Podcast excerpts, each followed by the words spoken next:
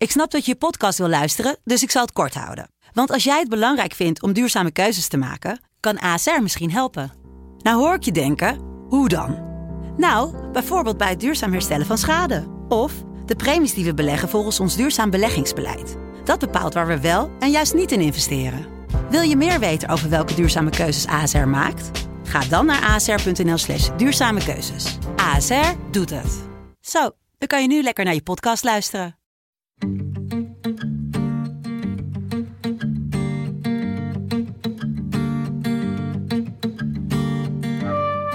...555 miljoen 237.619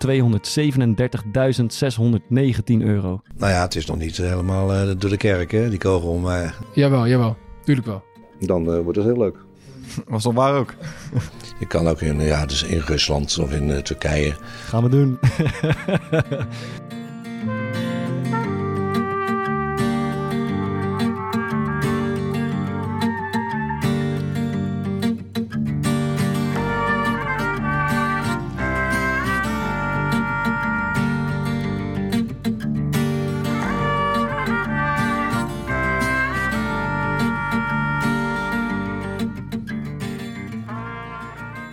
Toen wij enige tijd geleden besloten een uitzending te maken over het salaris van de voetballer, kwamen we zelf niet erg over de brug.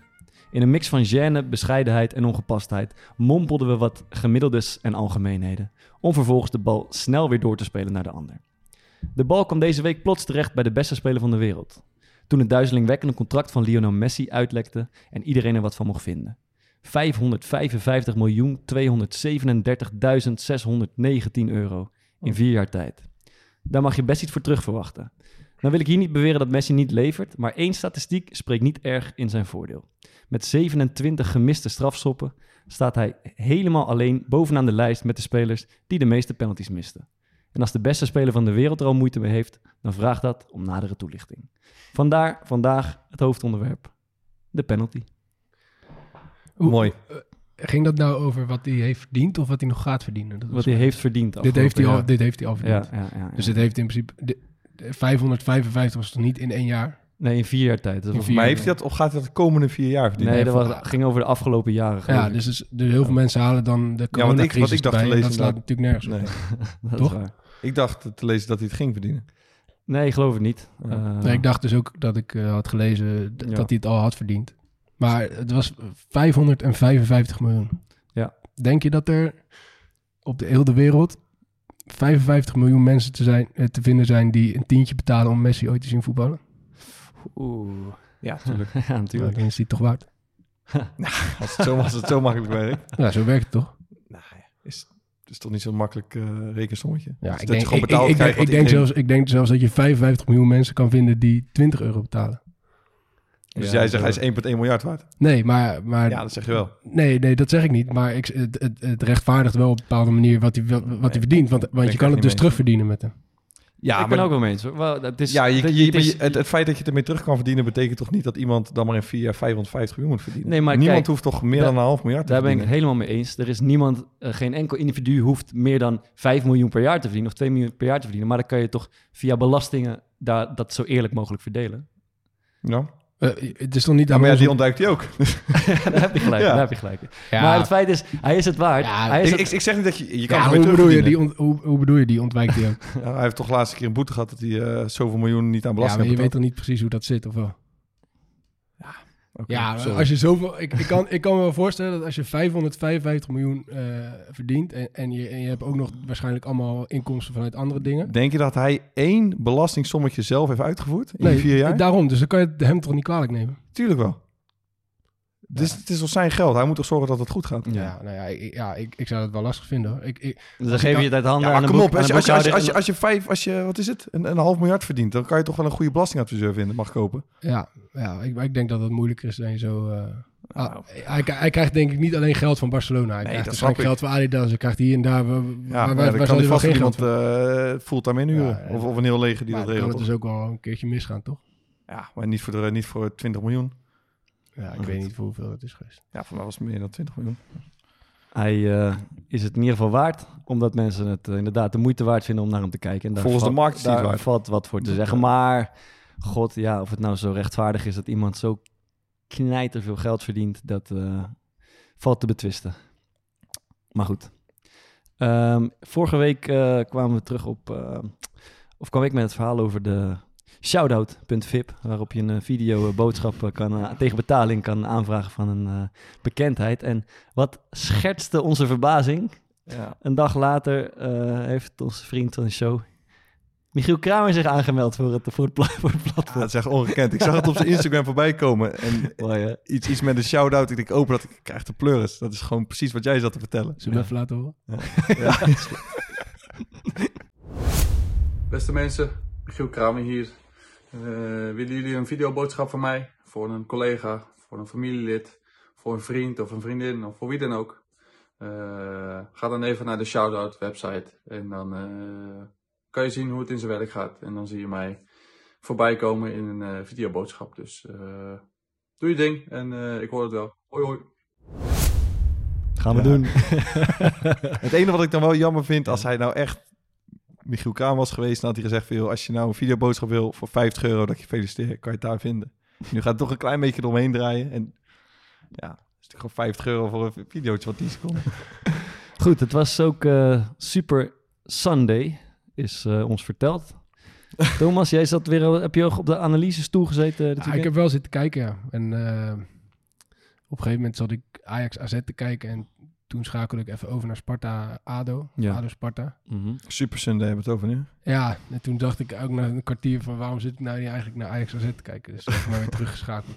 Maar eh, ja, wat- ik vond wel mooi wat er bij Feyenoord is gebeurd. Met had natuurlijk drie wedstrijden op rij gewonnen. Ja. En eh Dick Advocaat was zichzelf een beetje aan het indekken alweer. Die had eh, een hoop spelers eh, nou ja, gewoon gezegd dat, het, dat het materiaal van Feyenoord gewoon een stuk Ze hadden niet was. gewonnen drie wedstrijden op rij. Ja, zelfs verloren hadden ze. Ja. Van, eh, van, van, van Ajax, van Vitesse. Ja. Nee, ik dacht dat je zei gewonnen. Maar dan verstond ik het fout. Oh nee, ze hadden niet Oké, gewonnen. ja. En, eh, en dat was niet... eh, Hij had bijvoorbeeld tegen AZ had hij gezegd eh, de- de- dat... eh, eh, ja, dat, dat de spelers van AZ gewoon beter waren dan, Mhm. dan die van Feyenoord. En dat was bij de spelers van Feyenoord een beetje in het verkeerde keelgat geschoten. En toen de week de hoofdspelers tegen Heerenveen, waar het ook weer helemaal mis is gegaan. En eigenlijk vooral gewoon tactisch ging het mis. Want Ja. Heerenveen, je hebt een mooi interview van, eh, hoe heet die, Joey, eh, Joey Veerman. Mhm. Ja. Die, die, die stond op, op papier volgens mij als, als buitenspeler, maar die, die, die, tro- die stond gewoon iedere keer achter de spits. En Ja. zei, ja, ze besloten om niet door te stappen. En eh, de laatste keer dat ik dit mee heb gemaakt, dat ik zoveel ruimte kreeg, Ja. dat, eh, dat is alweer eventjes geleden. Mhm. Dus, dus ja, dat, dat, dat ging gewoon tactisch niet helemaal lekker. En toen, Terug naar de tekentafel hoorde ik eh, Steven Berghuis ja, de maar, wedstrijd zeggen maar, toen. ja, en, maar wat, hij vooral had, eh, wat ze dus vooral als spelersgroep hebben gezegd tegen Dick Advocaat, was dat, hij, dat ze niet eh, blij waren met hoe hij zich over hun had uitgelaten. Ja. En toen dacht ik, dat hadden wij ook moeten doen.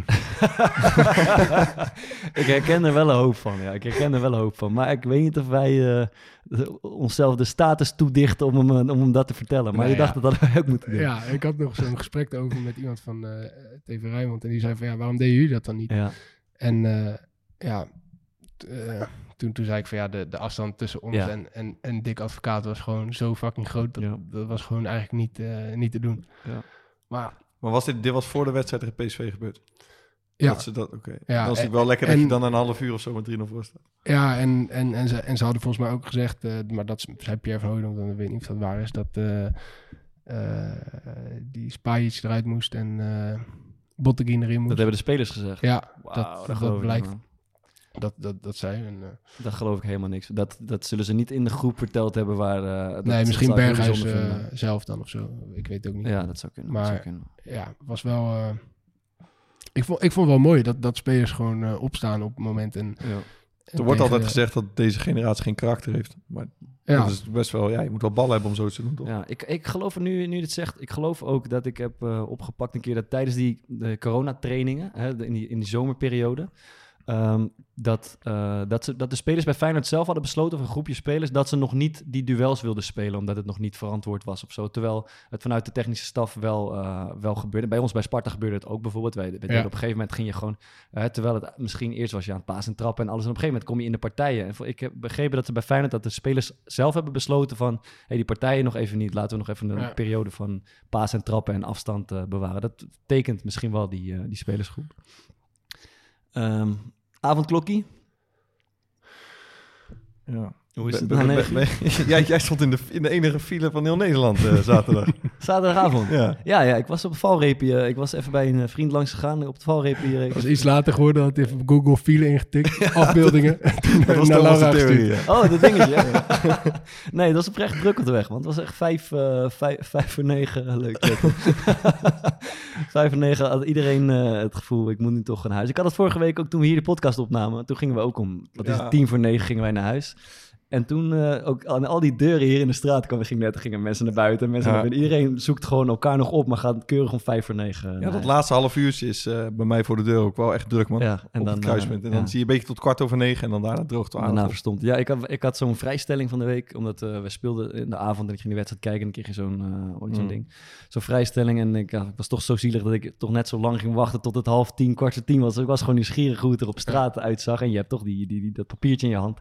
Dus ik eh, ben een beetje zo rond gaan dwalen in de stad. Ik vond het gewoon boeiend. Eh, eh, het was toch, ik was benieuwd wat er rondloopt en of er nog relletjes zijn of niks. Het was super stil, helemaal geen, geen hond op straat. Drie Ja, die agenten- juist wel, toch? eh, ja, nee, ik zag één. Goeie, goeie, goeie. Ik zag één. alleen Thomas met Joep, denk ik. Een paar agenten, maar die hadden ook niks te doen. Dus het was toch wel een beetje ja, surrealistisch, zou ik willen zeggen. Zijn jullie nog op straat geweest? Of heb je nog zo'n vrijstelling gehad? Ja, we hebben ze wel, maar we hebben hem nog niet nodig gehad volgende week, denk Ik ik. heb hem nog niet ingezet. Nee. Ja, ik heb hem één keer wel... eh, toen, we, toen was, waren wij nog even blijven kaarten. Gewoon een beetje Oh ja, toen ben je na eh, negen uur, eh, ja? Ja, toen, zijn we, toen was ik om half tien of zo. eh. Gelijk de eerste dag was dat ook. Ja, ja. Oh, toen was Ja, was het net gekregen, ja. Ja, Wil iemand nog het kwijt? Nee. Nee, ik, ik heb ook niks. Dan gaan we door naar de... Jij ook niks? Nee, ik ook niet. Nee, nee, nee. Penaltytjes doen? Lijkt me leuk. We gaan door naar het, eh, naar het hoofdonderwerp. En dat is, eh, dat is penalties vandaag. Ehm, onder andere bijvoorbeeld omdat Thomas eh, twee weken geleden eventjes eh, van, van het bankje werd gehaald in de 119e minuut, geloof ik. Omdat hij mocht opdraven in de, in de, in de penalty-reeks. en hoe eindigde dat? Ja, we wonnen hem. We Eindelijk, wonnen. eindelijk maakte hij mijn pingel, dus dat was wel lekker. In het hoekie. Eh, laten we beginnen met de aller, allerbelangrijkste vraag, denk ik. En dat is dat we het gelijk even duidelijk hebben allemaal. Is het penalty of penalty of pinanti? Zoals Ed de Goeie zou zeggen. Pinanti. Palanti? Palanti zag ik ook op Twitter nog, ja. Palanti. Zeg maar. Penalty. Ik vind pingel ook wel lekker altijd. Pingel. Ja, pingel vind ik mooi. Penalty, het klinkt wel mooi, maar ik, ja, P- P- Pinanti blijf ik ook mooi vinden. Maar dat is Ed de Goeie, toch? Pinanti. Ja, ja, ja, volgens mij wel. ja. Ik werk tegenwoordig ook samen met Ed de Goeie. Oh ja, Collega van je? eh, Keeperstrainer bij, eh, bij eh, mijn oude club. Oh, jullie zijn samen uh, Ja, de jeugdopleiding ja, hoge dus, plannen aan het Ja, ja. heb jij hem aangesteld? Nee, ik heb hem niet aangesteld, maar eh, ik ben zeker wel eh, heel tevreden over. Heeft hij dat vla vlassige snorretje ook nog? Nee, maar het is Hij wel, is ook een het is wel in de profwereld toch uh, keeperstrainer Ja, geweest? bij RKC, is ja. die eh, trainer geweest. En nu bij VOC. Hey. Nee, maar hij is een mooie kerel, man. Eh, hij heeft ook mooie, eh, had, eh, wel een aantal mooie anekdotes verteld hij altijd over eh, bij, bij, bij Chelsea met... eh, Chelsea. ja, ja, met, met, met, met Mourinho. Dat hij, eh, dat op een gegeven moment... eh, dat heeft ook wel met pingels te maken. Dat hij, eh, mocht hij... Speelde hij bij QPR, geloof ik. Dat is ook in, in Londen. Dat was op laag niveau.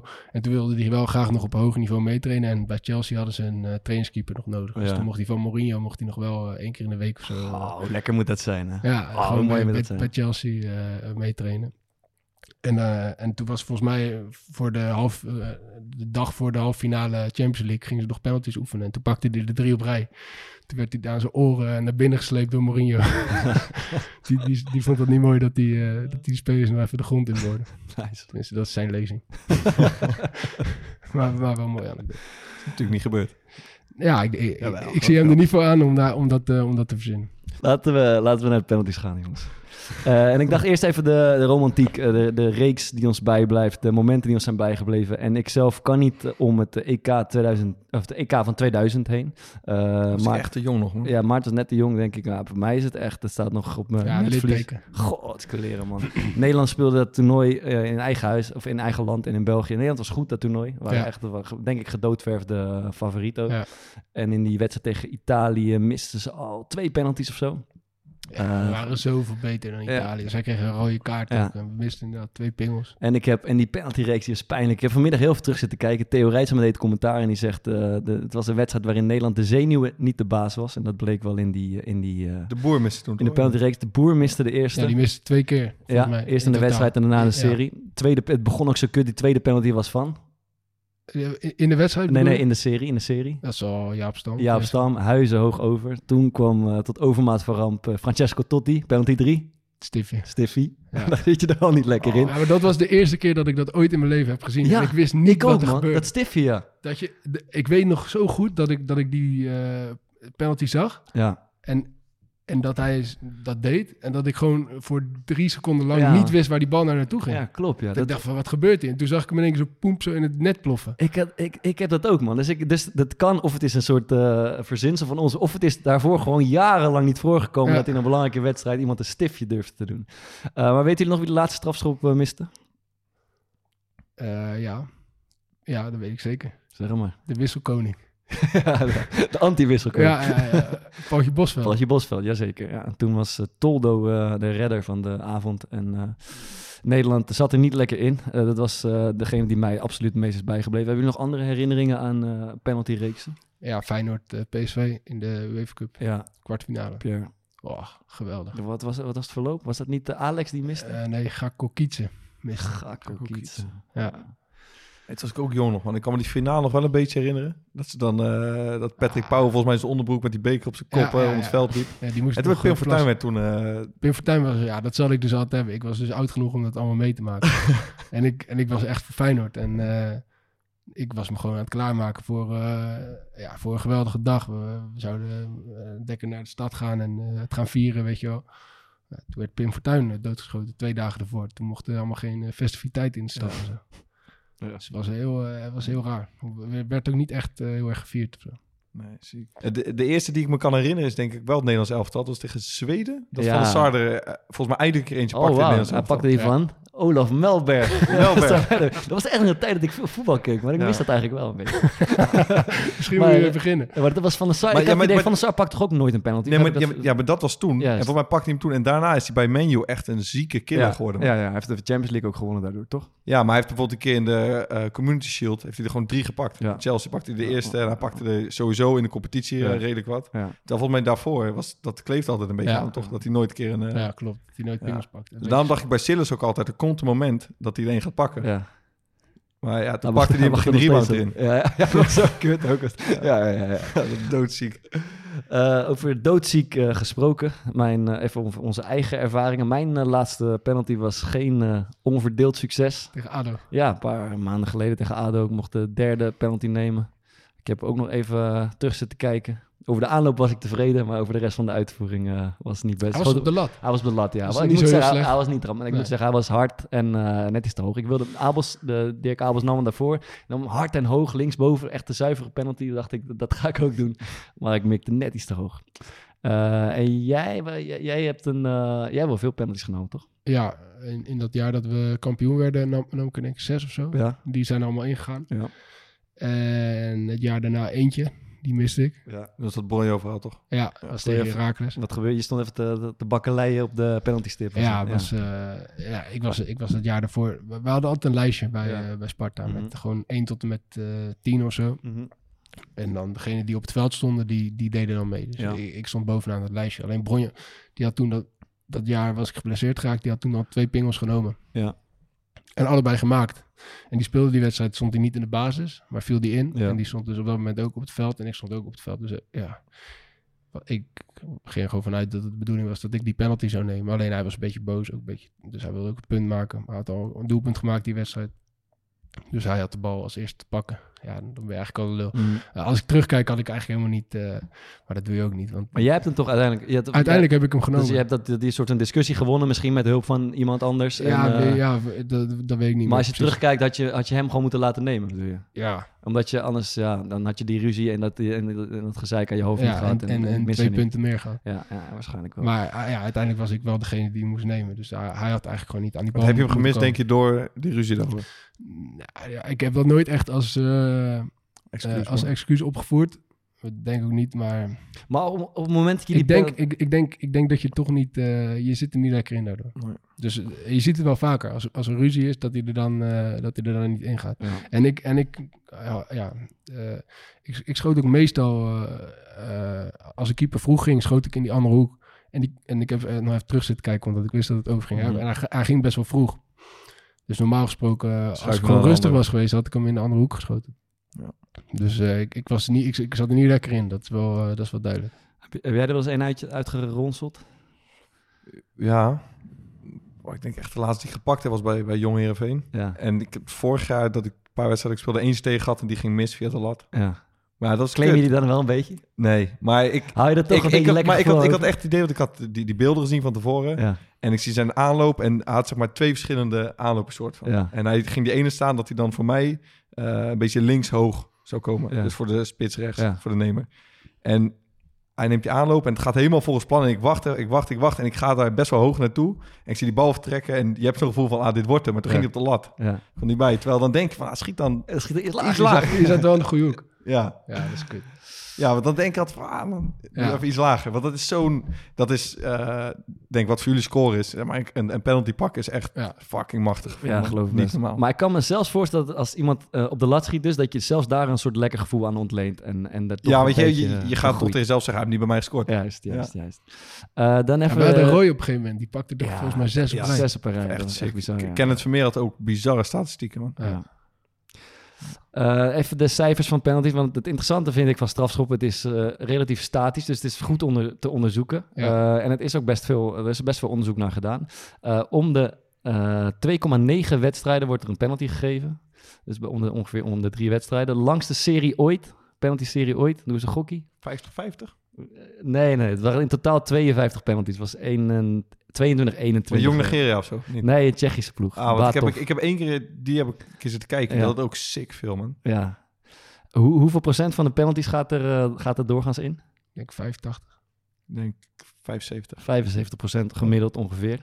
Eh, de beste ter wereld eh, zijn eh, twee spelers, eh Yaya Touré en Roberto Baggio. Die hebben allebei 16 penalties genomen en allebei, eh, allebei gescoord. Dat is, dat is wel veel. Alles gescoord. Alles Maar, maar gescoord. Balotelli heeft er meer genomen, denk ik, maar eentje gemist. Ja, ik geloof dat hij 23 heeft genomen, maar die miste er dan in die reeks miste die een ja, penalty. dus Dus, deze het gasten hebben een eh, clean sheet. Die- Ehm, Die Pepe Reina pakte toen de penalty van ja. eh, Balotelli. Heeft hij van dat tenue, hoe, heeft hij een pyjama gemaakt. had Messi genomen? Hij heeft er, ja, dit, dit slaat natuurlijk nergens op. Dus hij is de speler met de meest gemiste penalties, Ja, maar hij heeft ook het 27, meest- maar hij heeft er echt bizar veel genomen. veel Wat. Hoeveel is bizar veel? Ja, honderden. Ehm, dan even de, de, de technische uitvoering. Want sommige, veel mensen zeggen, penalties, eh, dat, dat is een loterij. Dat hoor je vaak. Eh, ik ben het daar helemaal niet mee eens. Ik denk, ik vermoed jullie ook niet. Nee. Ehm, want je, er zijn zat eh, mogelijkheden om je kans te vergroten dat je je penalty gaat scoren. Maar het is, het is wel zo dat een, een, een penalty shootout niet echt de, de kansen weerhouding, verhouding van de wedstrijd weergeeft. Dus, dus het is wel eh, op het moment dat je eenmaal bij de penalties bent, dan is het eigenlijk om het even welke ploeg er wint. Dus Om- het is wel. Dus, Omdat die reeks zo kort is. Omdat je maar vijf penalties neemt. ja, maar ook omdat het zo statisch is. Ik bedoel, Ja, je eigenlijk. kan elkaar ook minder beïnvloeden, toch?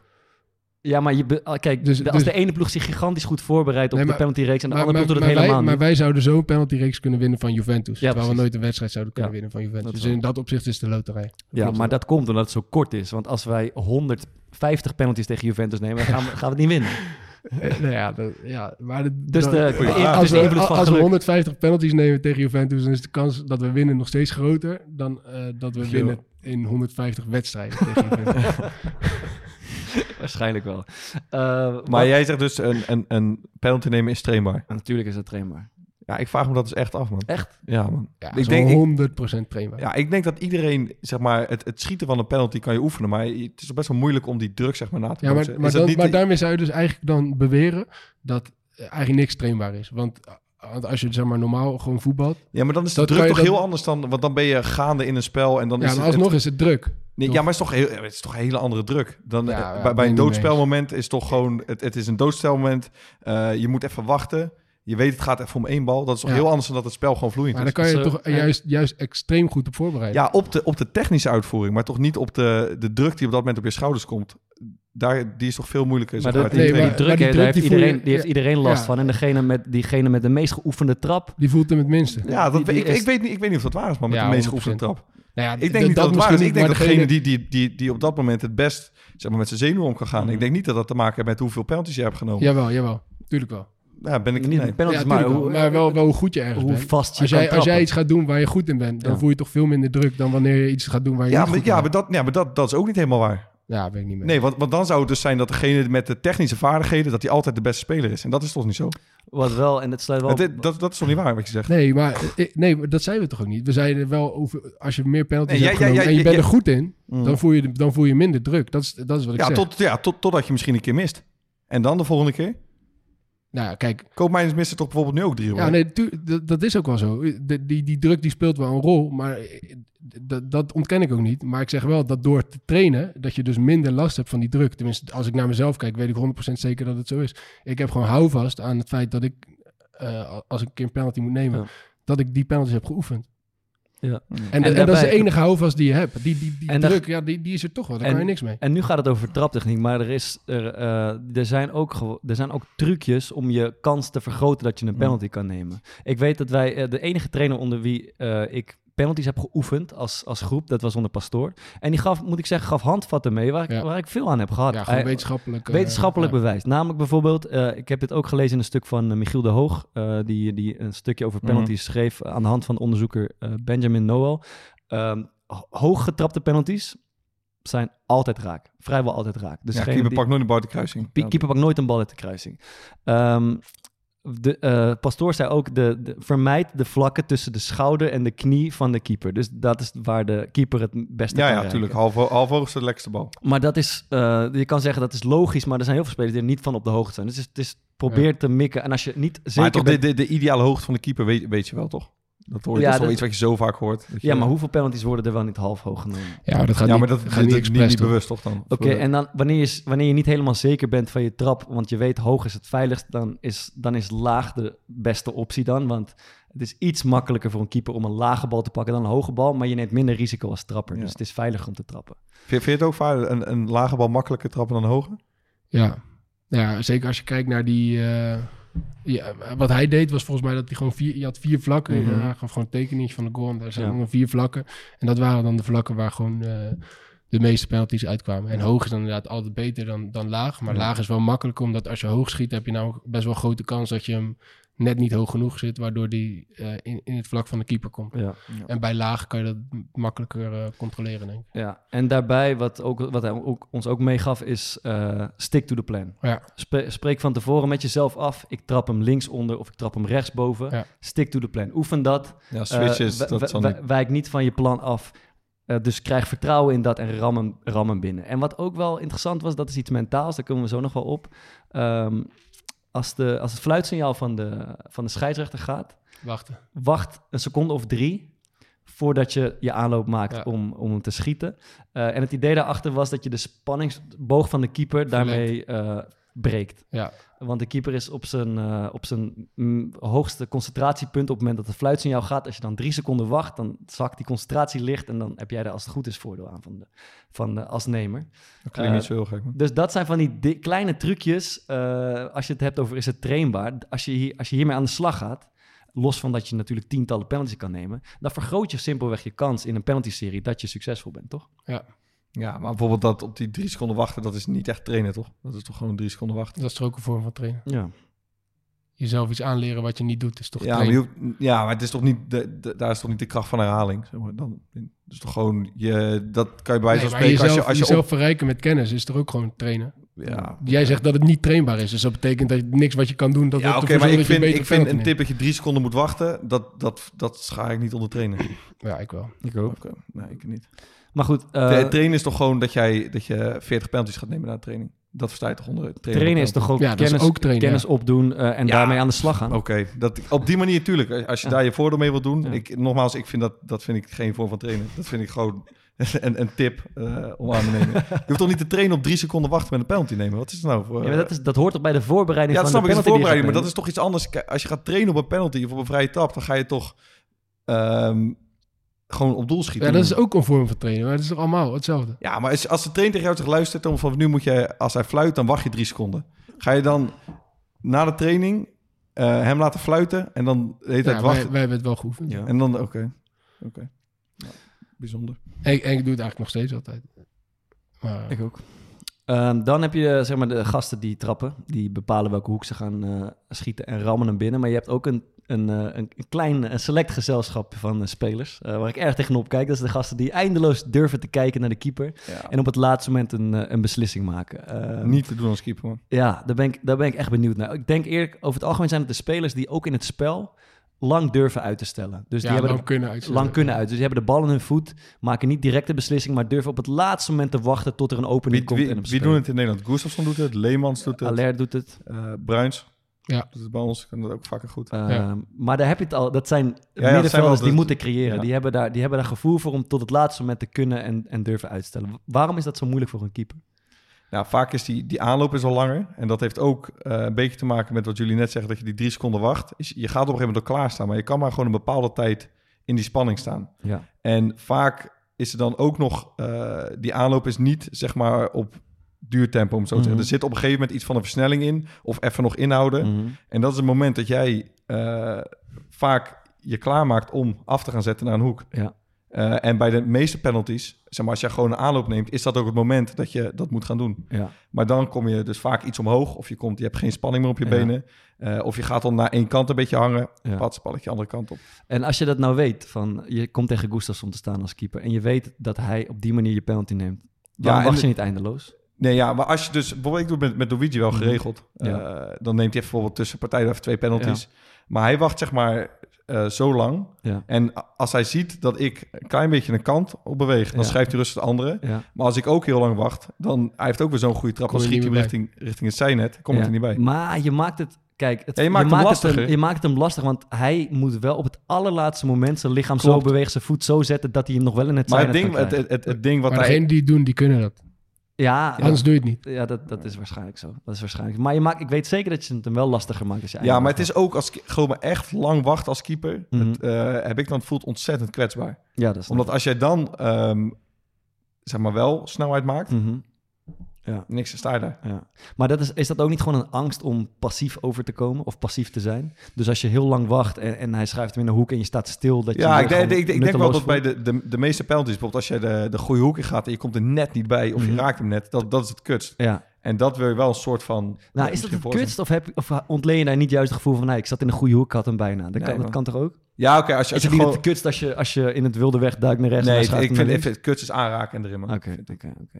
Als, als keeper, wil je, wil je weten waar de speler zijn eh, laatste penalties heeft geschoten? Ja, ja wij, wij krijgen gewoon standaard die beelden doorgestuurd, één Ja. of twee dagen voor de wedstrijd. Ja, En wat ik net aangaf, kijk, als iemand gewoon een vaste hoek heeft, ja, eh, dan denk ik ook altijd wel van, zou je zien, precies als ik ga schieten, dan schrijf je de andere kant op. ja, Maar je probeert gewoon een, een, een patroon in iemands aanloop, zeg maar, te herkennen. ja, ja, Dus als iemand iets verder van de, van de as af staat, dat hij dan over zijn standbeen schiet. ja. Want bij de meeste gasten, ja, je hebt gewoon vaste nemers. Bijvoorbeeld stel Haar gaat bij jou nemen.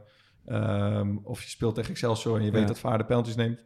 Dan kan je gewoon al zijn beelden opzien van de laatste jaren. ja. En dan als er verschillende hoeken in zitten, dan kan je vaak wel iets van een patroon van een aanloop herkennen. Oké, dus je kijkt naar de lichaamstaal in de aanloop, Ja. waaruit je iets kan En dan, maar ik, ik moet zeggen, ik pin me er niet, niet eh, volledig op vast. Dus ik ga ook gewoon best wel dan alsnog gewoon op gevoel af. Als ik iemand zie staan en soms, ja, dat is gewoon als er lekker in zit, dan heb je gewoon het gevoel echt van, weet je wat, ik heb gewoon, eh, hij- maakt die stap en ineens dan voel je, hij gaat hem daar schieten. Ja, Ja, en daar ga ik wel altijd op af. Bart, ook nog wel een aardige vraag van, die zag ik Ja. op Twitter ook. Ehm, jij zei net van, mijn penalty was niet heel slecht, ja, maar, zeg maar hij zat er niet in. ja. Wat, wat is dan een, een goede manier om een penalty te missen? Wat, dat je kan zeggen van, Ja, ik, zo erg is het niet. ja, dat bestaat denk ik niet. Eh, je hebt natuurlijk heel, heel dramatisch genomen penalties en iets minder kut genomen penalties, maar er is geen penalty die je mist waar je een acceptabel gevoel aan overhoudt. Nee, er wel eentje waar je nog een allerslechtst gevoel van aan.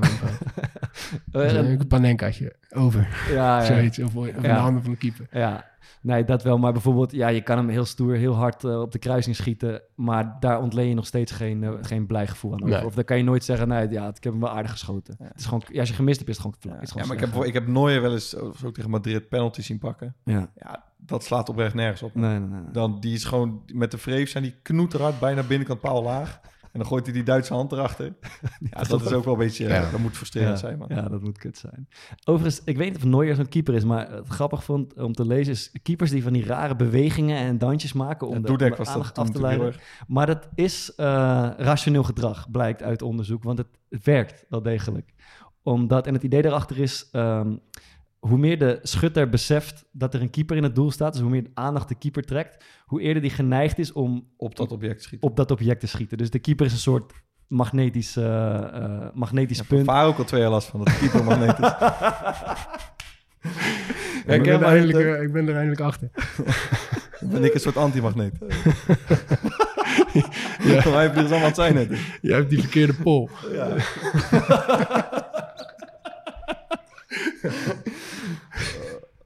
Maar, eh, wat, wat ik me wel eens afvraag als, als ik naar zo'n reeks kijk, waarom blijven keepers niet wat langer in het midden staan? Want er zit altijd een, er zit er altijd, sowieso is er een trend de laatste jaren dat spelers Meer veel, meer, veel meer in het midden schieten. Er zit soms ook een stiftje bij. En er zitten altijd gasten bij die het niet voor elkaar krijgen om, in- om hem in de uiterste hoek te krijgen. Dus dat zijn, eigenlijk is er altijd wel één of twee penalties in de serie van vijf die je zou eventueel zou kunnen oprapen. Oprapen wil ik niet zeggen, maar die in je Ja, dat je een soort van de bal die je moet hebben, dat je die dan pakt. Juist. Ja, want we hebben het nu over wachten gehad en over kiezen. Ja. Dus wachten is echt dat je kijkt, maar je kan bijvoorbeeld ook gewoon eh, reageren. Of is, is dat Ja, je, ja, dat, ja, precies. Ja. dat je gewoon eh En staat. dat is en wachten dat je- eigenlijk. Wachten is uh, dat je reageert. Ja, maar ja, niet echt toch? Want uiteindelijk kies je wel een beetje. Je stelt alleen het moment dat je gaat, stel je zo lang mogelijk uit. Ja, ja je, je probeert te reageren, maar, maar wachten, daar heb je het dan vooral over in zo'n situatie als iemand zoals Gustav van der Ja, die ja. heel traag loopt. Mm. Maar je hebt inderdaad ook gasten die hem, ja, dat reageren. Ja, dan heb je, Ik- ik- dan ik heb je dus wel wat Bart zegt. Dan heb je de slecht genomen penalties. Ja. Zou je dan in principe Die- altijd wel hebben. Ja. Tik je eruit, ja. Ja, dat is, niet, dat is geen gek voorstel, man. Maar ik heb daar, ik heb meer vertrouwen in mezelf als Mhm. ik zo'n serie eh, in moet gaan, Ja. dat ik gewoon eh en probeer te lezen Mhm. en vijf keer vol ga, Ja. dan eh, dat ik wacht of eh, reageer. Want ik gewoon, ik, ook als ik zeg maar op de, als we het op de training wel eens doen, ik, ik pro- probeer het wel eens, maar ik, dan pak ik eigenlijk gewoon geen bal. Man. Dan ben ik altijd te laat. Ja, ja, dus misschien is dat ook wel, ja, dat zal voor een aantal hele goede keepers zal dat eh, misschien wel weggelegd zijn. Maar ja. voor mij in ieder geval niet. Eh, dan het, eh, het meest eh, interessante deel van, van penalties, als je het mij vraagt. Dat is het mentale gedeelte, het mentale spelletje. En Ja. iemand vroeg... Ik snap dat veel mensen... We kregen echt duizend en één vragen op Twitter over dit onderwerp.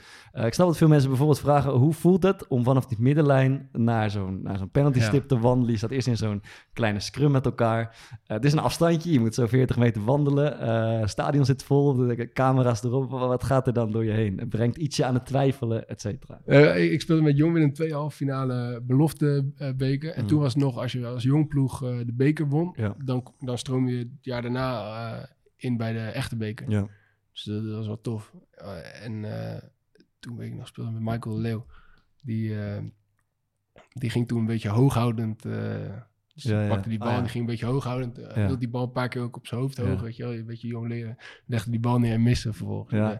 Eh, eh, ja, eh, daar werd de trainer toen een soort van... eh, Ja. een beetje boos over. maar dat, dat vond ik zo raar dat je daar boos over wordt. Maar ja, maar Ja, je dat moet zelf... eh, Maar toch, ik zou het zelf niet snel doen. Dus dat balletje rolt voor mijn voeten. Ik moet nog 30 meter oversteken. Dan zou ik... Ja, maar ga je hoog houden, dan maak je foutjes of zo. Ja, je hebt er allemaal... Ja, het Iedereen kijkt naar jou dan. Ja, ik weet niet. Maar, ja, maar het is ook wel een manier om je een beetje ontspannen ja, dat is waar. Ik probeer... eh, ik heb eh, denk ik drie keer of zo in zo'n reeks ge- meegedaan. Ik probeer gewoon me echt... Want er er is een hoop onderweg wat je kan afleiden. Natuurlijk mensen uit het stadion, publiek. eh, keeper die iets tegen je roept. Ik had laatst die tegen ADO... Een of andere debiel die riep ook weer tegen me... eh, Ik zit in je hoofd of zo. Ik zit in je hoofd. Zoiets. Was dat waar ook. nee, dat, ik, eh, dat eh, had er echt helemaal geen, eh, geen invloed op. Maar daar ben ik wel bewust mee bezig. Gewoon ademhalen, relax. Niet te veel, eh, niet te veel al die prikkels in je laten komen. Gewoon ademhalen, bal neerleggen, drie seconden wachten. En Ja, dan- stick to the plan. ja toch. Gewoon zo weinig mogelijk van, van de buitenwereld op je in laten werken. Denk, tenminste, dat is wat er voor mij... Waarvan ik dacht dat het zou werken. Maar maar, had je die, eh, je twee penalties ervoor wel gemaakt? ja, ja, ja. Waarvan één tegen HC Hardenberg was eh, in de beker. Dus dat, Ja, jij was er ook bij tegen Volendam toen, want toen zat je op de bank. Nee, hij was geblesseerd, denk Of, ik. eh, ja. Ja, die eh, was een mooie serie. Ja, Ja. dat was echt een Ja, mooie ja, serie. ja. Het was een kwartfinale beker ook. Ja. Dus dat was ook nog best wel Ja. belangrijk. Ja, Ja, ja, ja. toen weet ik nog, jongen, toen kwamen we best wel ver.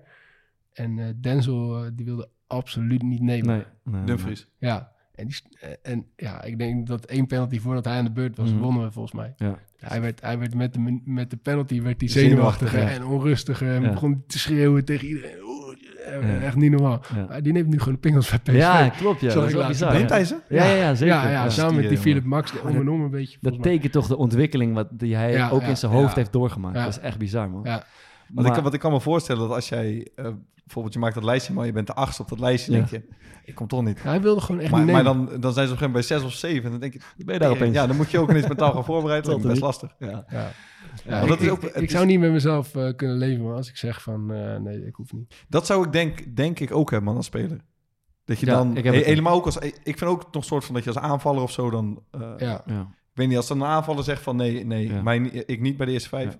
Ik zou ook niet over, me kunnen, over mijn lippen kunnen krijgen als de trainer zegt van wil je nemen? Je zegt nee, ik hoef niet te nemen. Dan Ja. neem ik sowieso altijd. Maar ik moet zeggen, ehm, in de teams waarin ik heb gespeeld, de gretigheid spat er niet vanaf. Dus we beginnen aan een penaltyreeks. Er wordt bijvoorbeeld gevraagd wie gaat er nemen. Nee, maar dat is Aarzeling logisch. is daar wel. Dat is ook logisch, want het is ook niet leuk. Niet, dit zijn niet de penalties die je graag wil nemen. Nee, nee, nee. Dit, welke- is welke alleen wil je wel maar- graag nemen? Er is alleen maar te 3-0 voor verliezen. Ja, de laatste minuut eh, tegen Heracles. Ja, dan staan we allemaal aan de rij. Of eh, als je 3-0 voor staat. Ja. Ja, die, die wil iedereen wel nemen. Eh, de spanning, je had het net over spanning. Eh, dat is inderdaad niet na te bootsen, maar je kan een poging daartoe doen. Eh, dat deed ook eh Pastoor, on- onze trainer in die tijd, door... Ik weet niet of we dat al een keer hebben besproken, volgens mij wel. Maar door eh, de speakers van het stadion aan te zetten... en de heksenketel van Venerbatje door de speakers te laten klinken... en daar toch een soort van sfeer van, eh, van belang eh, te creëren. En daarbij, eh, er stond altijd een straf op een gemiste penalty. En dat is wel kut. Wij moesten een mop vertellen, bijvoorbeeld Ja. voor de, bij de lunch of zo. Ja. Eh, en je kan zo, je Wel, straf... welke heb je verteld? Ik heb niet gemist dat, dat seizoen. Thomas heeft wel één eh, maand een mopje moeten vertellen. Ja, die heb ik ook even verteld. Ja, die heb je hier ook weer verteld. maar de- zeg maar, door er, een, eh, door er een straf op te zetten die toch een beetje kut is... Ja. leg je toch een beetje meer druk op zo'n Ja. penalty dan totale vrijblijvendheid. ja, en het was ook zo dat iedereen in de middencirkel stond. Dus Ja. iedereen stond ook te kijken. En eh, dat maakt het wel, eh, maakt het wel mooi. Maar ik zat nog even te denken over, die, over dat incident dat ik ruzie had. Ja, Wij hebben daarna wel iets bedacht om dat zeg maar in de toekomst te voorkomen. ja, En dat is gewoon, eh, en dat heb ik ook nu met eh, Lu- Luigi neemt bij ons de. Dus ik heb met hem de afspraak gewoon als ik op het veld sta. ja. Dat was de laatste keer was dat wel, maar eh, dan pak ik de bal voor hem. Dus hij, ik, Mhm. ik heb gewoon tegen hem gezegd van, jij moet je niet, jij hoeft geen zorgen te maken over de bal. Die kom ik op een gegeven moment naar je toe brengen. Ja. Dan heb je en dat hij niet afgeleid wordt door de keeper, als de keeper leuk wil doen. ja, Want dan ga ik die bal halen Ja. en dan geef ik daarna de bal aan eh, Luigi. En als een andere speler eh, tof komt doen, dan ben ik degene die ruzie maakt, maar niet degene Juist. die neemt. Zeg maar. Alsof jij gaat nemen eigenlijk. Dus- Nee, gewoon, ik, ik zorg gewoon dat die bal bij oké. degene komt die, eh, die gaat nemen. En dat hadden we toen bij Sparta ook. Hadden, hadden met Michel, de, eigenlijk onder aanleiding van Alex, die zei ook dat, dat Michel, dat was de aanvoerder, die zou gewoon de bal pakken en die zou de, eh, de bal geven aan degene die hem, Ja. die hem neemt. Dat is best wel een goeie. Interessant eh, gegeven wat ik las is... sterspelers falen vaker in de strafschoppenserie... dan spelers van mindere status. Heb je er ook nog een getallen bij? Vermoedelijk, nee, niet getallen, maar vermoedelijk omdat ze het gevoel hebben dat ze meer te verliezen hebben. Dus de druk hoger is dan, eh, dan, eh, dan bij spelers van mindere status. Vond ik best boeiend. En eh, eh, tip die ze meegeven, begin de penaltyreeks. Als je kan kiezen, begin Ja, de penaltyreeks, leg de druk bij de tegenstander. In 60% van de gevallen win je dan de want serie. ik, ik heb daar, daar zat ik over na te denken. Er kwam op Twitter kwam die vraag ook echt wel een aantal keer. Met, Ja. die, met het nieuwe systeem. Nee, nee st- stel jij hebt eh, twee gasten in je team die gewoon vaak penalties nemen. Laat je die dan de eerste penalties nemen of eh, in die serie? Oh, dat is weer, ja. nee, ja, Ja, ik, ik dacht ook uiteindelijk de eerste, want dan weet je zeker dat ze een penalty nemen. Want misschien bij Ja. 4 en 5 komen ze niet aan de beurt. Ja. Dat is helemaal zonde. En je, je begint gewoon lekker. Als die eerste twee er al in zitten, is als keeper ook kut hoor. Ja, Als die eerste, want als je die eerste of die tweede pakt, Zeker. zeker. helemaal het de, mannetje. De spits in je ploeg, als je echt een heel gretig spits hebt, gaat altijd voor de vijf. Ja, die wilde winnende maken. Die wil altijd de winnen. Ja. Maar ja, ik zou ook zeggen, wij hadden toen ook gewoon die, die lijst. En die lijst hielden we ook aan. eh, Ja. Dus de, die lijst stond gewoon eigenlijk al vast. Eh, Ja. dus de, gewoon degene die niet op het veld stonden, die werden tussenuit gestreept. En de rest werd gewoon, eh, Ja. werd gewoon die volgorde. ja. Als je, als je het net had je het over die druk die Pastoor wilde zeg Ja. maar, toevoegen aan de training. Ja. Dat is dus met keepers op zich wel grappig. Als je eh, ehm, op de training eh, soms een partijtje doet en je gaat het uiteindelijk beslissen met penalties, Mhm. dan is als keeper altijd wel echt een soort van onderling dingetje. Want Ja, het tuurlijk. is echt kut als je als dat dan jouw concurrent zo ineens twee of drie penalties pakt... Ja. en bij jou gaan ze er alle vijf in. Ja, Ja. Dus bij ons is dat een soort van de druk die je dan jezelf oplegt... en denk je, oké, nu moet ik wel even een klein Ja. statement maken. concurrentiepartijtje. In, zo'n, in, in een wedstrijd als keeper, daar ben ik het echt mee eens. Je hebt alleen maar wat te winnen, man, in zo'n serie. Ja, tuurlijk. Eigenlijk zijn de rollen een beetje omgedraaid. In de wedstrijd eh, heb je best wel grote kans om, om een slemiel te worden. Ja. En heb je als speler best wel goede kans om Ja. de held te worden. Ja. En met zo'n serie is het echt compleet Het omgedraaid. lijkt me waanzinnig om de Tim Krul van, eh, van Louis van Gaal te zijn. Dat je, de vlag, dat- je hebt inderdaad letterlijk alleen maar shit te winnen. Ja. Je komt daarin, je kan de helderrol op je pakken. En lukt het niet, geen man overboord. Ja, is niet een, een- een jaar voor dat WK, eh, was het WK hè? Ja. Hebben we dat bij eh, VOC een keer gedaan. Lukt het ook toen? Ja, ja, ja. Ja. ja. Kwam de- kwam ja, ja, hij is er. Maar kwam, de tweede keeper erin. De eerste keeper was boos, jongen, dat hij eruit moest. Ja, Want die, die, die dacht van, ja, dit is eindelijk mijn moment. En, Was, eh, eh, was dit de inbreng van Ed Ja. Groei? maar, maar als dus die, die, de- het percentage zoveel hoger is dat, we- dat de beginnende ploeg wint, 60-40. ja. Dus ze pleiten nu dan voor zo'n ander systeem, dat eh, ABBA-systeem. Is dat dan niet eh, eerlijker? Ja, zou dat ermee te maken hebben dan? Om Denk die, eh, oh ja, dat kan, ik heb er eigenlijk helemaal niet over nagedacht. Het is- Hoe, hoe gaat het bij het ABBA? Dan doe je Ja. ABBA en dan gewoon weer ABBA.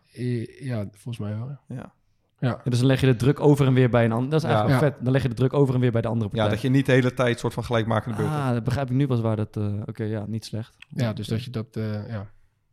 Ja. Ja, er, was één scheidsrechter die dat al een keer had gedaan. Hè? ja, dat was heel ziek. Die had het mis, Dat was gewoon bij de KNVB-beker, toch? Ja. Ja, Die had gewoon uh, geïmplementeerd. Rijnsburgse Dat was Boys en eh er was eh, die scheidsrechter best wel een paar keer gehad, Mark eh Nachtegaal. Dat is wel een mooi verhaal. Zijn, zijn, zijn tweelingbroer die is fysio bij, eh, Ja. bij Sparta Ja. en die lijkt echt Ja, precies op hem. Dus, zoals ik noem, van ja, Menen. dus, dus ik noem hem Deert Bas Nachtegaal. Dus ik noem hem in het veld ook altijd Bas. ja man. Ik wist dat dus helemaal. Ik wist dat dus nooit. Op een gegeven moment zat ik op vrijdagavond een keer Jupiler League te kijken. En zie ik mijn fysio Bas Nachtegaal zie ik daar op, Ja. op een krukje zitten met de, met, de, met de bord in zijn hand. Op zijn, ik krijg nou wat. Wat doet hij daar in het weekend? Ja, dat was, is inderdaad zijn tweelingbroer. Ja. Maar niet een beetje tweelingbroer. Echt Ja, dat is twee gewoon- druppels waar. Ja, ja. Dat is wel ziek, man. Want je hebt die, die Raymond van Menen, is ook lang vierde official geweest. Ja. En zijn broer is fysio bij Feyenoord. ja, klopt. Ja. Toch iets met fysio's en scheidsrechters zo en tweelingen? Ik weet niet, man. Eh, we hadden het net over die regels. Tot, eh, andere regel eh, werd op, eh, op Twitter ook best wel aan gerefereerd. Ik ben het daar roerend mee eens. Ehm, de straf van een penalty Ja, is te zwaar, hè? is te zwaar. Ja, in sommige gevallen. Ja, ik vind dat echt heel vaak zo. Je, je bent aan het, in een voetbalwedstrijd, je komt in de hoek van de 16. eh wordt je daar rug naar de goal soms je rug naar de goal, wordt daar aangetikt, laat je vallen. Terecht overtreding of niet, waarschijnlijk wel. Maar de straf van een penalty staat niet in verhouding tot de kans die het had kunnen zijn. Nee, daar ben ik het mee eens. Daar ben ik niet mee eens. Waarom Want ik vind nou ook dat scheidsrechters daar al naar kijken. Dat ze niet voor alles Nee. eh, fluiten. Ja, Ik- ik- 100%. ik- maar je kan in een, seizoen, in een seizoen kan je 40 Ah, penalties als je- aanwijzen waarvan je denkt, hey, dit, deze schietkans van een penalty is Nee, duizend nee, keer groter dat- dan de kans die je had eh, kunnen creëren. eh, dat, dat is waar. Mhm. Maar, maar dat brengt juist ook weer het aanvallende voor- voordeel met zich mee. Dus als jij als verdediger kan je dus minder risico nemen op het moment dat het in een 16 meter is. Ja. Omdat als je een keer een overtreding maakt, dus dat, dat zorgt ervoor dat de aanvaller gewoon wat voordeel heeft. Wat Ja. denk ik het spel aantrekkelijker Mhm. maakt. En ik vind dat als je zeg maar de overtredingen die op middenveld gemaakt worden, als je Ja. gewoon gaat kijken zeg maar naar die overtredingen. Ja. En, en je gaat kijken wanneer zo'n overtreding in, in de 16 meter Ja. gemaakt zou worden, of ze er dan ook voor zouden fluiten Ja. dan denk ik dat voor acht van de tien overtredingen eh, een scheidsrechter geen penalty zou Ja. geven. Dus Ja. dat scheidsrechters die, die denk ik al een beetje op die manier meten. Nou, dat Ik weet niet of, dat, of, dat zo, of dat percentage zo hoog ligt, hoor. Ja, misschien niet zo hoog, Nee, ik maar, zag, van het weekend zag ik ook weer eentje. Er werd iemand omvergetrokken in de 16. En zelfs de commentator zei, als dit op de midlijn gebeurt, is het sowieso een overtreding. Ja. Was ik het mee eens, in een 16 geeft hij hem niet. Wat ik ook terecht vond. Ja, vind ik ook terecht, maar het is wel zo. Dus, Ja. en, en dan soms gewoon een duidelijke overtreding in de 16 is gewoon een penalty. En dat is kut, soms omdat het geen doelkans is. Maar dat zorgt juist ook wel Mhm. dat een verdediger gewoon voorzichtiger moet zijn, Exact, waardoor eh, de aanvaller Ik ben zo super alert als verdediger op, eh, op dat soort situaties. Dat je niet per ongeluk eh, ik, voor iemand vloert of even te gretig instapt Ja. Dat is echt, eh, ja, dat maakt de verdediger gewoon Maar voorzichtig. dat is hetzelfde met bijvoorbeeld met hockey. Met, ja, ik, ben niet, ik ben niet echt heel erg thuis in hockey, Mm. maar met die strafcorners, dat ze echt gaan zoeken naar voeten, zeg maar. Ja, ja. Maar dat zorgt zoveel voor aanvallend voordeel, wat het Mm. spel gewoon aantrekkelijk maakt. Want je moet als verdediger en proberen de bal af te pakken, maar ook tegelijkertijd ben je bezig met waar zet ik mijn voet, want als die bal op mijn voet komt, is het een strafcorner. Wat, wat dus wel een bepaalde dynamiek met zich meebrengt, die denk ik voor de kijker eh, alleen maar beter is. ja. Dus, Ja, ja. valt het voor te zeggen, moet ik, moet ik zeggen. Ik, eh, Dus ik zelf een aanvaller. Dat wil ook. Ja, al- je moet altijd pleiten voor aanvallend voordeel. Voor je eigen parochie. Ja, tuurlijk. Ik weet niet hoe het met jullie is, maar ik eh, begin zin te krijgen in eh, Easy Toys. Oh ja, laten we doen. Vooral in de jingle. Ja.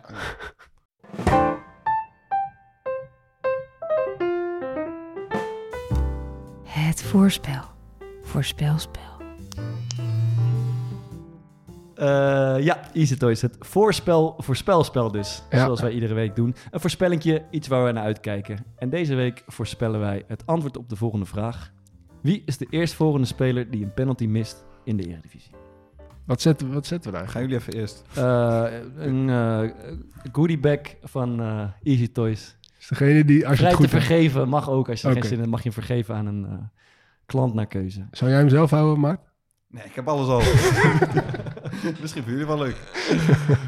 ik zie Maat Alonso van kom maar door op de bank daar. Dus, eh, Ik, eh, ik denk... eh, moet ik even goed denken, maar ik denk Giacomakis. ik heb hem ook overwogen. ook aan te denken. Ik heb hem ook overwogen. ja. Ik ga voor eh, Berghuis. Ik ga voor Danilo. Oh ja, ook een heeft al lang niet gescoord. Die zit er niet lekker in. Gaat de penalty willen forceren. En dat, dat kan wel eens lastig worden. Berghuis neemt ze wel nog steeds, toch? Ja, neemt ze wel nog steeds. Ja, hoop ik wel voor je. Goed, dat is hem. Eh, maar, eh, lieve luisteraars, mocht je van deze voorspelling nou niet warm worden, is jouw voorspel nog steeds onvoorstelbaar voorspelbaar. Dan wordt het hoog tijd voor Easy Toys. Gebruik de kortingscode voetbal15 en krijg 15% korting op al het lekkers dat je in huis houdt met Easy Toys.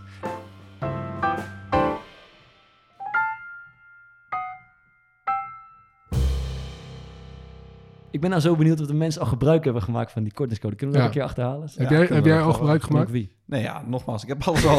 Ik heb, eh, de enige die niks aan die code heeft, ben ik.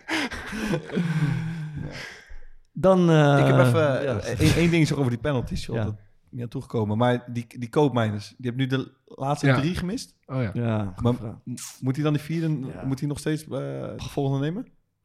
Ja, ik, ik vind dat hij die keuze zelf moet maken. Ik kan heel goed begrijpen dat je als speler dan... eh, Vind je niet zegt dat je van, misschien als trainer op, op zo'n moment moet zeggen van... eh, Ja, het ligt eraan. Als er, als, het, eh, als er een andere speler is die graag wil nemen, dan is het op dat moment misschien wel een keer een moment om te zeggen van nee. eh. Maar ik vind sowieso eigenlijk altijd wel dat, eh, dat de topscorer, dus degene met de meeste goals, die, daarvan vind ik dat hij die penalty moet nemen. ja, gewoon om hem de Ja. kans te geven om topscorer te worden. Ja, Nou ja, dat is toch flauwkul? Dat is een ego-kwestie. Het gaat toch over Nee, degene met wie je de grootste kans hebt om de, om de ego penalty als, te een, eh, pakken. als jouw spits eh 20 goals heeft gemaakt, of 27 goals Ja. op één seizoen, Ja. nou, stel dat eh, andere clubs geïnteresseerd zijn, dat scheelt nog wel. En misschien is die ego-kwestie Ja. ook niet zo slecht voor hem, toch? Beetje zelfvertrouwen. Ja, maar, maar je gaat toch, als je trainer bent, dan wil je toch de, de, degene die de, pen, de, degene de penalty laten nemen van wie je de grootste vermoeden hebt dat hij hem gaat scoren. Ja, en of dat maar- nou, of ja, nou topscorer nee, is, is als prima. je Maar als je centrale verdediger veel, beter Als je kan. het heeft dat hij mist, dan moet je dan, dan natuurlijk niet. Mhm. Maar ja, als een spits er lekker in zit, weet je toch ook wel. Dan, ik bedoel, als hij zelf graag wil nemen, dan... Dus als je Gustafsson hebt, of eh, wie staat er een spits bij Utrecht? ja. Weet ik het, dan moet je die spits laten nemen, Ja. want hij kan topscoren. Nou, daar ben ik het niet mee eens. Staat genoteerd. Wat botsen we hè, vandaag, god. nou, zullen we het lijstje even... We hebben een muzieklijstje. We eens in de maand eh, de core podcast. eh elfde van de maand. Ja. En eh, Maarten is een, eh, een eh, toevoeging eh, van belang. Wat, eh, wat, willen, wat willen we er eigenlijk over zeggen? Ja, ik vond allemaal niks. nee, ik vond eh, Rob de Nijs. Ik, zal, ja. Ja, die ik was heb eigenlijk Ja, mooi, ik, heb nog nooit naar, naar zijn muziek geluisterd. Maar ik Ja, vind het echt een prachtig Je hebt nummer. hij Malle zat- Babbe wel eens gehoord, toch? Huh? Malle Babbe. Ken je dat nummer niet? Ik kwam dat liedje van Rob de Nijs kwam ik tegen. Hij was, hij was te gast in, in een van die talkshows een paar maanden geleden. En ik weet niet, er was iets met hem. Hij is zoveel jaar oud of zoveel jaar eh, getrouwd, weet ik het. En toen deden eh, eh, Pascal Jacobsen van Bluff en Danny Vera, die speelden voor hem dat liedje aan de tafel. En dat was echt, dat was echt mooi. En, en Rob de Nijs zat er zelf bij en die begon ook mee te zingen. En hij was er zichtbaar door geraakt. En dat liedje heet eh, Wat als later nu is. En daardoor Ja. ben ik het gaan opzoeken. Echt een mooi liedje. Ja, is prachtig. goed, eh, de lijst is weer eh, ge- geüpdate. Eh, je kan het vinden op Spotify, Core Podcast. Elftal van de maand. En dan nu de aanraders. Oh ja, joh. Ja, mooi. Ik heb wel een mooie. Zeg het. Ik heb een eh, serie op eh, Apple, Apple One of Apple Mhm. Plus heet het. Ja. Eh, als je slim bent, je kan op je telefoon kan je een maand lang gratis eh, abonnementje krijgen. Moet je ja. daarna niet vergeten op te zeggen, want dan zit je eraan vast. Ja. Maar die serie die heet Ted Lasso. ja. En laat je niet verwarren door die naam, want het is echt mooi. Hij, eh, het gaat over een American voetbalcoach ja. eh, die vrij succesvol is geweest bij zijn team in de Verenigde Staten. En die wordt naar Engeland gehaald om coach te worden van een Premier League team. ja. Voetbalteam. Terwijl hij eigenlijk helemaal niks van voetbal weet. Mhm. En de plotline is dat de eigenaresse van die club eh, haar ex-man een hak wil zetten. Omdat hij fan is van die club en eigenlijk helemaal niet wil presteren. Maar vervolgens gaat die coach die gaat dan eh, allemaal dingen doen met dat team. En dat blijkt best wel een aardige coach te zijn. Zonder dat hij iets weet van voetbal. Dus Ja. ze proberen een beetje op een eh, best wel geloofwaardige manier eigenlijk te laten zien dat technische en tactische aspect misschien wel ondergeschikt is aan eh, hoe je als team functioneert. Mhm.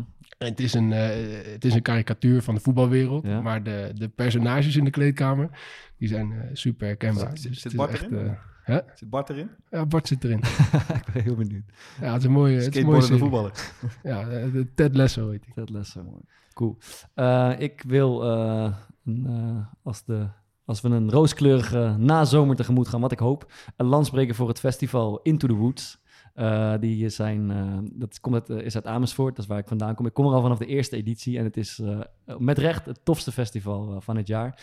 En ze starten op dinsdagmorgen dus de, de, de kaartverkoop. Dus als je nog een kaartje kan bemachtigen, zorg dat je erbij bent. Want Heb het je is, zo? ja, ik heb het, ik heb het al, ja. Ehm, het zal lastig worden, want iedereen wil zijn slag slaan. En, en terecht, het is in een donker bos in Amersfoort. Het is, zit vol met allerlei creatieve ideeën. Overal waar je kijkt gebeurt er iets. Ehm, eh, het, is, eh, het is echt de moeite waard. Bovenal een teringleuke sfeer. Wanneer is het? In eh, september, eind sept- 11, 12 september. Echt eh, een van de leukste festivals eh, die ik ken. Dus Into the Woods in Amersfoort. Als je erbij kan zijn, zorg dat je erbij bent. Nice. Klinkt goed. Ja, ik zag van de week eh, Daniel Verlaan, dat is een eh techjournalist van eh, RTL. Die zag ik bij een talkshow zitten en eh, er was nogal wat gerommel, want hij zei dat Hugo de Jonge zijn bek moest houden. Maar ik heb een aantal maanden geleden, eh, dat ging over het datalek bij de GGD. En Hugo de Jonge had daar dingen over gezegd dat hij hun geïnformeerd had, maar dat had hij eigenlijk niet. Mhm. Hij had het gewoon alleen in de kaak gesteld. Eh, maar ik heb een aantal maanden geleden een boek van hem gelezen, dat heet Ik weet je wachtwoord. En daarin neemt hij op hele vertellende wijze eh, je mee naar hoe makkelijk jij eigenlijk te kraken bent. Ja. Zeg maar wij allemaal. Via je iPhone, via je MacBook, via je e-mailadres. Eh, of via een stom account wat je op een Adidas site een keer hebt gedaan. Dat je Mhm. een keer iets besteld hebt. En hoe gevaarlijk dat kan zijn. Hoe makkelijk de, bijvoorbeeld identiteitsfraude te plegen is. Ja. En ook hoe je je best wel makkelijk daartegen kan wapenen. Mhm. Door bijvoorbeeld je twee-staps verificatie aan te zetten. Eh, of niet overal hetzelfde wachtwoord te gebruiken. En hij heeft hele bruikbare tips. Ehm, er zit ook één heel ziek stuk in het boek over eh, dark web. Dus met kinderporno en hoe groot dat ook bijvoorbeeld in Nederland is.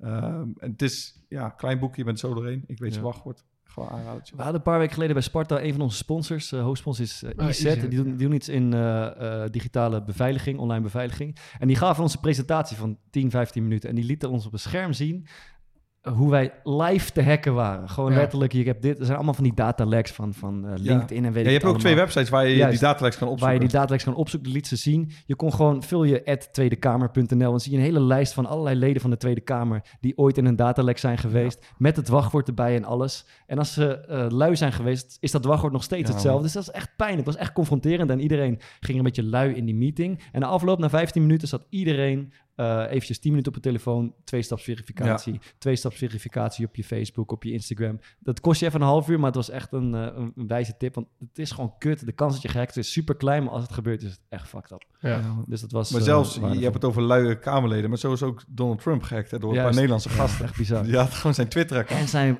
zijn wachtwoord was openbaar iets super makkelijk. White House 1, 2, 3, 4 of zo. Ja, zoiets Was dat. uh, Kofeffe of zoiets? Koffie, ja, ja. Zoek wel op thuis. Liedje van de week, Thomas. Ja, ja, ik wil jullie even meenemen, want ik- eh, ja, iedereen, eh, jij zei het net al hè, met Into the Woods, Ja. maar iedereen mist eh, die festivals Juist. en ik ook. En ik wil jullie even meenemen in een festivalherinnering van mij. In 2018 ben ik naar Best Kept Secret geweest. Mhm. En daar stonden Angus en Julia Stone. En die openden de dag, tenminste voor ons. We waren al, wij kwamen later uit ons bed, Ja. dus dat was ons eerste. En je moet je voorstellen dat je in de brandende zon dat veld oploopt. Ja. En dat zij gaan beginnen. En eh, ja, Angus en Julia Stone zijn sowieso geweldige artiesten. En ze beginnen dan een beetje met elektronische-achtige dingen. Komt in één keer eh, een beetje een slidegitaar ertussendoor. En vervolgens gaan ze gewoon over op hun eigen, op hun eigen instrumenten. En ik wil je even meenemen naar 2018. eh, Best Kept Secret. Ik schiet vol.